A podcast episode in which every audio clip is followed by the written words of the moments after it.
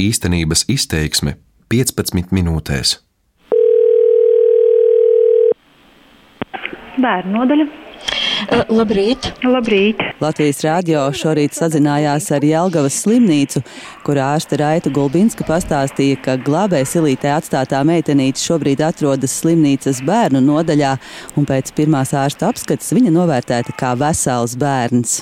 Tad patiesi izpējas stāvoklis ir apmienošs. Nekas slikts nav, nav nekāda miesas bojājuma, tā kā nu, bērniņš tīrs, smuks. Tas ir fragments no sižeta pirms diviem gadiem, kad Jelgavas glābēja silītē tika atstāta četras dienas veca meitenīte. Vesela tīrās drēbēs līdzi bija ielikts piena maisījums, pamperi, krēms un zaļa sedziņa.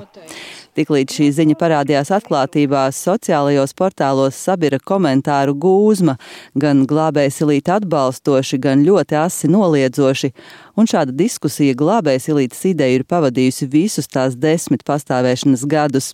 Vieni uzskata, ka šāda iespēja palīdz saglabāt bērna dzīvību, un tas ir pats galvenais, citi savukārt nebeidz kritizēt, uzsverot, ka tas ir klajš akcepts mūsu sabiedrības amoralitātei.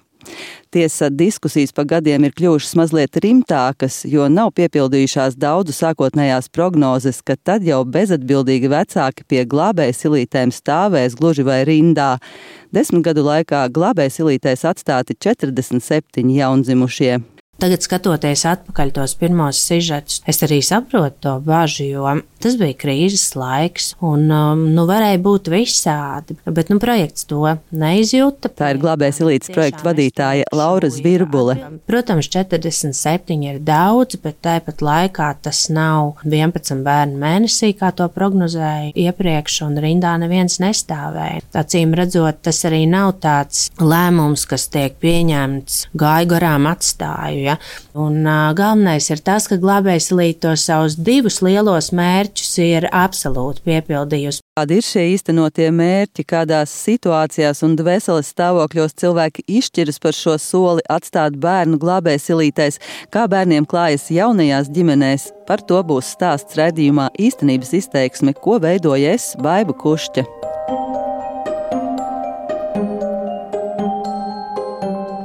Trauksmes signāls, kas savulaik rosināja ideju par glābēju silīšu izveidi, bija viena gada laikā atrasti 11 miruši zīdaiņi. Pirmo glābēju silītu uzstādīja 2009. gada septembrī Rīgā Bērnu Kliniskās Universitātes slimnīcas teritorijā. Pirmo bērnu tajā ielika Ziemassvētkos, un tas bija trīs dienas vecs puisītis, kuram šogad aprit desmit gadu. Šobrīd Latvijā darbojas astoņas glābēju silītes. Glābēju silītes projekts attaisnoja sevi jau ar pirmo bērnu bērnu ielikto, un neviena glābēja silīte nav palikusi tukša. Kad zīdainīti ieliek glābēja silītē, viņš vispirms nonāk mediķu aprūpē, līdztekus par to informē arī policiju un bāriņtiesu. Policija skaidro, vai nav kādu kriminālu apstākļu, bāriņtiesa savukārt kārto bērna juridisko statusu, tostarp bērna nodošanu adoptētāja aprūpē līdz adopcijas apstiprināšanai. Tātad par šo bērnu, kuram nav vecāki, kas ir atradienis, tiek informēta arī Labklājības ministrija, kas ir adopcijas datu turētāja. Tiek noziņots, ka šāds bērns ir, kuru var adoptēt. Un Labklājības ministrijā tātad ir arī saraksts ar ģimenēm, kas grib adoptēt bērnu šādā jaundzimušā vecumā. Procesa gaita skaidro Rīgas bāriņtiesas priekšsēdētāja vietniece Ines Ērgle. Vairums gadījumos, nu, divas nedēļas faktiski, un bērns jau ir ģimenei. Ja bērns ir atrodas ārstniecības iestādē, tad šī ģimene, kurai ir dots norīkojums iepazīties ar šo bērnu, jau var ar ārstniecības iestādē uzturēties kopā. Glābējs Ilīte tiešām ir glābēja arī tādēļ, ka dod iespēju bērnam ģimenē nonākt tik ātri. Uzskata kāda māmiņa, kuras ģimenē aug glābējs Ilītes bērns un kuru man ir iespēja satikt. Viņa ir pārliecināta, zīdaini ļoti dziļi ietekmē viss, kas ar viņu notiek, tādēļ viņa interesēs ir pēc iespējas ātrāk nokļūt drošā vidē, nevis tikt mētātam no vienas institūcijas uz otru. Sveiki! Esmu klāta šķiet pie tādām ja, māja. Pareizi! Ar māmu, kuras ģimenē aug viens no glābējas elītes bērniem, sarunājam satikties pie viņas mājās. Viņas izvēle ir neatklāt savu un bērna personību. Viņa lūdz neierakstīt arī viņas balsi, tādēļ nolemjam, ka aprunāsimies un pēc tam es to atstāstīšu.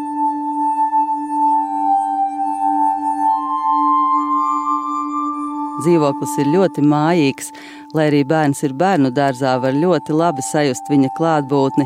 Dzīvoklī daudz rotaļlietu, fotografiju, pie galda bērna krēsliņš. Sieviete stāsta, ka viņiem ar vīru savu bioloģisko bērnu nav. Rindā uz adoptēšanu viņa gaidīja ilgi. Tad bija zvans no Labklājības ministrijas par iespēju pieteikties uz glābēju silītē atstātu zīdaini, un apmēram nedēļas laikā viņi jau varēja paņemt viņu pirms adopcijas aprūpē. Kad viņa ar vīru pirmo reizi satika mazuli, viņš mierīgi čučēja ratiņos, un te jau uzreiz bija skaidrs, ka tā ir ļoti laimīga satikšanās. Glābējs ilītē viņš bija atstāts siltā guļammaisā, jo bija vēss laiks, bet tas arī viss nekā cita viņam līdzi nebija.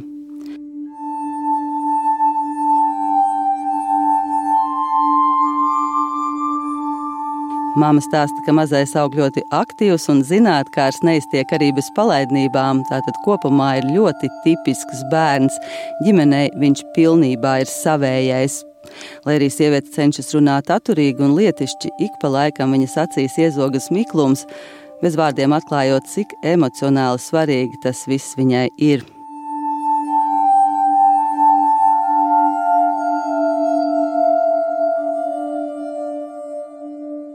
Kad bērns paaugsies visdrīzāk skolas vecumā, ģimene viņam atklās patiesību par viņa izcelsmi, centīsies darīt to pēc iespējas pārdomāti. Visvairāk negribētos, lai viņš to uzzinātu no citiem, kas varētu būt sevišķi traumatiski. Sieviete vairāk kārt uzsver, viņai ļoti gribas ticēt, ka bērnu atstāt glābēji silītē bioloģiskajiem vecākiem nav viegls lēmums. Par to liecina kaut vai tas, ka dažkārt zīdaiņiem viņi ieliek līdzi kādas mantiņas vai zīmītes. No sievietes atvados lielā pateicībā, jo, lai arī anonīmi viņa vienīgā no glābēja silītas bērnu vecākiem piekrita ar mani tikties.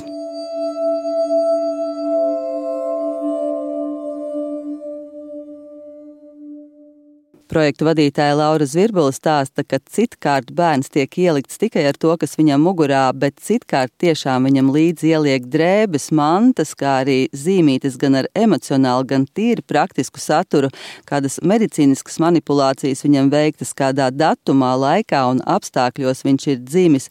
Piemēram, jaunākais bērns ir bijis divas stundas vecs un dzimis mājdzemdībās.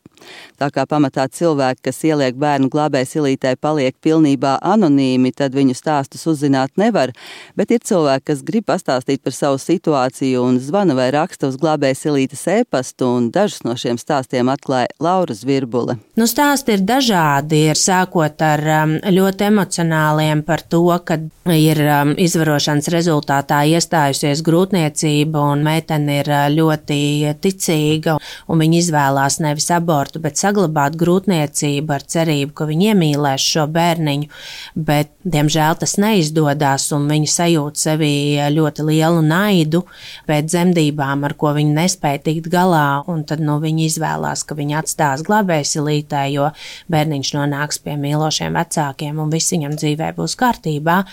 Ir arī, protams, stāsti par um, mammas slimošanu un, un to, ka viņa pēc dzemdībām uzzina par smagu diagnozi un saprot to, ka um, vienīgais ceļš viņai kā vientuļai mātei ir atstāt bērnu bērnu glabējsilītē, gan arī līdz tam, ka viens bērniņš ir atbraucis pie mums no Krievijas pār robežu, jo tajā laikā Krievijā vēl nebija atvērts glabējsilītes, un sieviete kā grūtniece ar vilcienu atbrauca, piedzemdēja Latvijā un pēc tam aizbrauca atpakaļ uz Krieviju.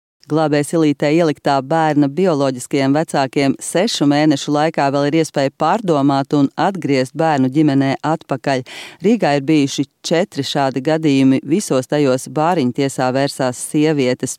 Katrs gadījums bija unikāls, bet visus tos vienojas sievietes izmisuma sajūta, kad viņi ielika zīdaini glābējas ilītē, atzīst Rīgas bāriņu tiesas priekšsēdētāja vietniece Inese Ērgle. Izmisums par daudz ko, izmisums par to, ka bērns ir slims vizuāli redzams, ka bērns ir slims. Izmisums par to, ka mīļotais vīrietis pamet.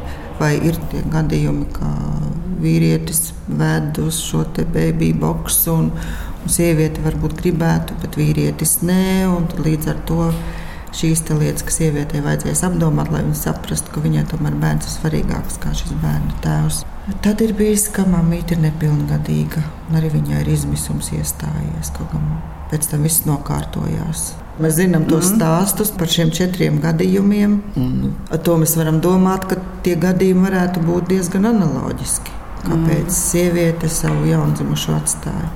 Un e, arī sekojot līdzi, kā viņām veicas ar to visu kārtībā, ar audzināšanu. Jūs droši vien sekojat arī viņām. Ja? Mums ir jāseko, jo viņas ir pierādījušas. Tātad viņa ir mamma, kam ir piedzimis bērns, bet ņemot šo apstākļu, kad ir bijis kaut kas nestabils tajā ģimenē, mēs parasti pārbaudām arī šo te. Nu, vai tiešām viņai ir kur iet dzīvot, vai tiešām viņai ir tas atbalsts, ko viņa tagad pēc pāris dienām saka, ka jā, mani atbalstīs draugi, man atbalstīs ģimene, viņi nezināja. Mēs šos apstākļus tomēr pārbaudām bērna drošībai. Un arī, lai saprastu, ko mēs vēl šai mammai varam piedāvāt, kādu atbalstu. Un visi tomēr tādi laimīgie stāsti. Visi bērni palikuši kopā. Līdz, nav... līdz šim ir veiksmīgi šie mm. atgriešanās stāsti, kas mums četri ir bijuši, ir bijuši veiksmīgi. Pats pirmais gadījums, kad sieviete izteica vēlmi atgūt bērnu, gan nebeidzās laimīgi. Tas bija bērns, kas tomēr palika. Jo atnāca jauna sieviete, ja nemaldos, viņai jau bija viens vai divi bērni.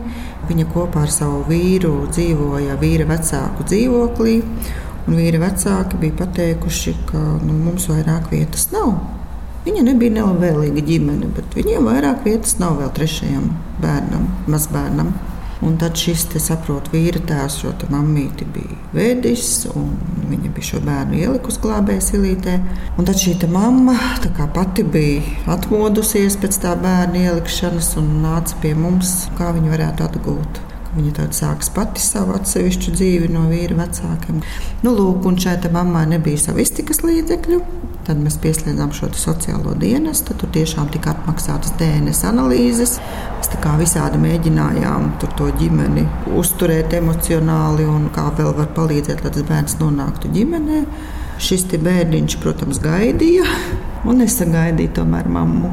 Mamma ar visām savām DNS analīzēm tomēr pie mums vairs neatnāca. Nu, bērns gaidīja, gaidīja ilgāk kā citi. Nu, tam bērnam tas adopcijas process mazliet vēlāk notika. Ļoti svarīgi, ka pie katras glābējas ielītes ir atrodams diennakts telefona numurs, uz kuru sieviete var zvanīt un lūgt palīdzību, tādējādi iespējams mainot savu lēmumu un paliekot kopā ar bērnu. Šo palīdzību pa telefonu nodrošina gan krīzes centri, gan citas institūcijas, kā arī konkrēti cilvēki. Viņu vidū ir Kaspars Sudras, kura telefona numurs ir pie Madonā esošās glābējas ielītes. Kaspars Sudras ir veterinārā ārsts, arī Madonas novada domas deputāts viens, kas manī tajā glābējas elītes idejā uzrunāja, bija tas, ka man bērnībā, nu, kad es biju pavisam mazs puika, es kaut kādās ziņās dzirdēju gadījumu, kad tika atrasts bērniņš šim izkastēm. Un tas man tā nu, ļoti uzrunāja. Un, kad es uzzināju par to glābējas elīti, tad nu, man likās, ka šis ir veids, kā nu, tādus gadījumus nu, nepieļaut. Un kāpēc es savu to telefonu tur esmu, kā teikt, atļāvis likt, ja? Visi to uzskata par, par lielu uzupurēšanos, bet, nu, tas varbūt, es gribētu teikt, tas ir mazākais, ko es varēju darīt, nu, lai to procesu atbalstītu. Tas man nav tā kā grūti vai apgrūtinājums. Nav jau arī tā, ka zvana tur nemitīgi. Madonā glābēja Silīta atvēra pirms septiņiem gadiem, un pa šo laiku Kaspars Udres uzklausījis trīs sievietes, kuras palikušas ar bērnu kopā. Visām viņām tajā brīdī akūti svarīgi bija tīri praktiskas dabas jautājumi. Viņi bija tādi pārsvarā sociāla rakstura, teiksim, kur man darīt, kur man iet. Tie pārsvarā bija tādi, nu, bāriņtiesas un sociālā dienesta atbildības sfēras jautājumi. Tur es eh, viņu savedu ar, ar tiem atbildīgiem cilvēkiem viņam un paskaidroju, lai droši tur zvanu, tā es to nokārtoju. Madonas glābējas ilītē septiņos gados savukārt atstāti četri jaundzimušie, par ko Kaspars Udras atzīst, viņš īstenībā nebija gaidījis, ka tā notiks. Priekš nelielās Madonas viņam tas šķiet liels skaits, bet varbūt, ka mazuļi atceļojuši arī no kādām citām tuvākām vai tālākām vietām.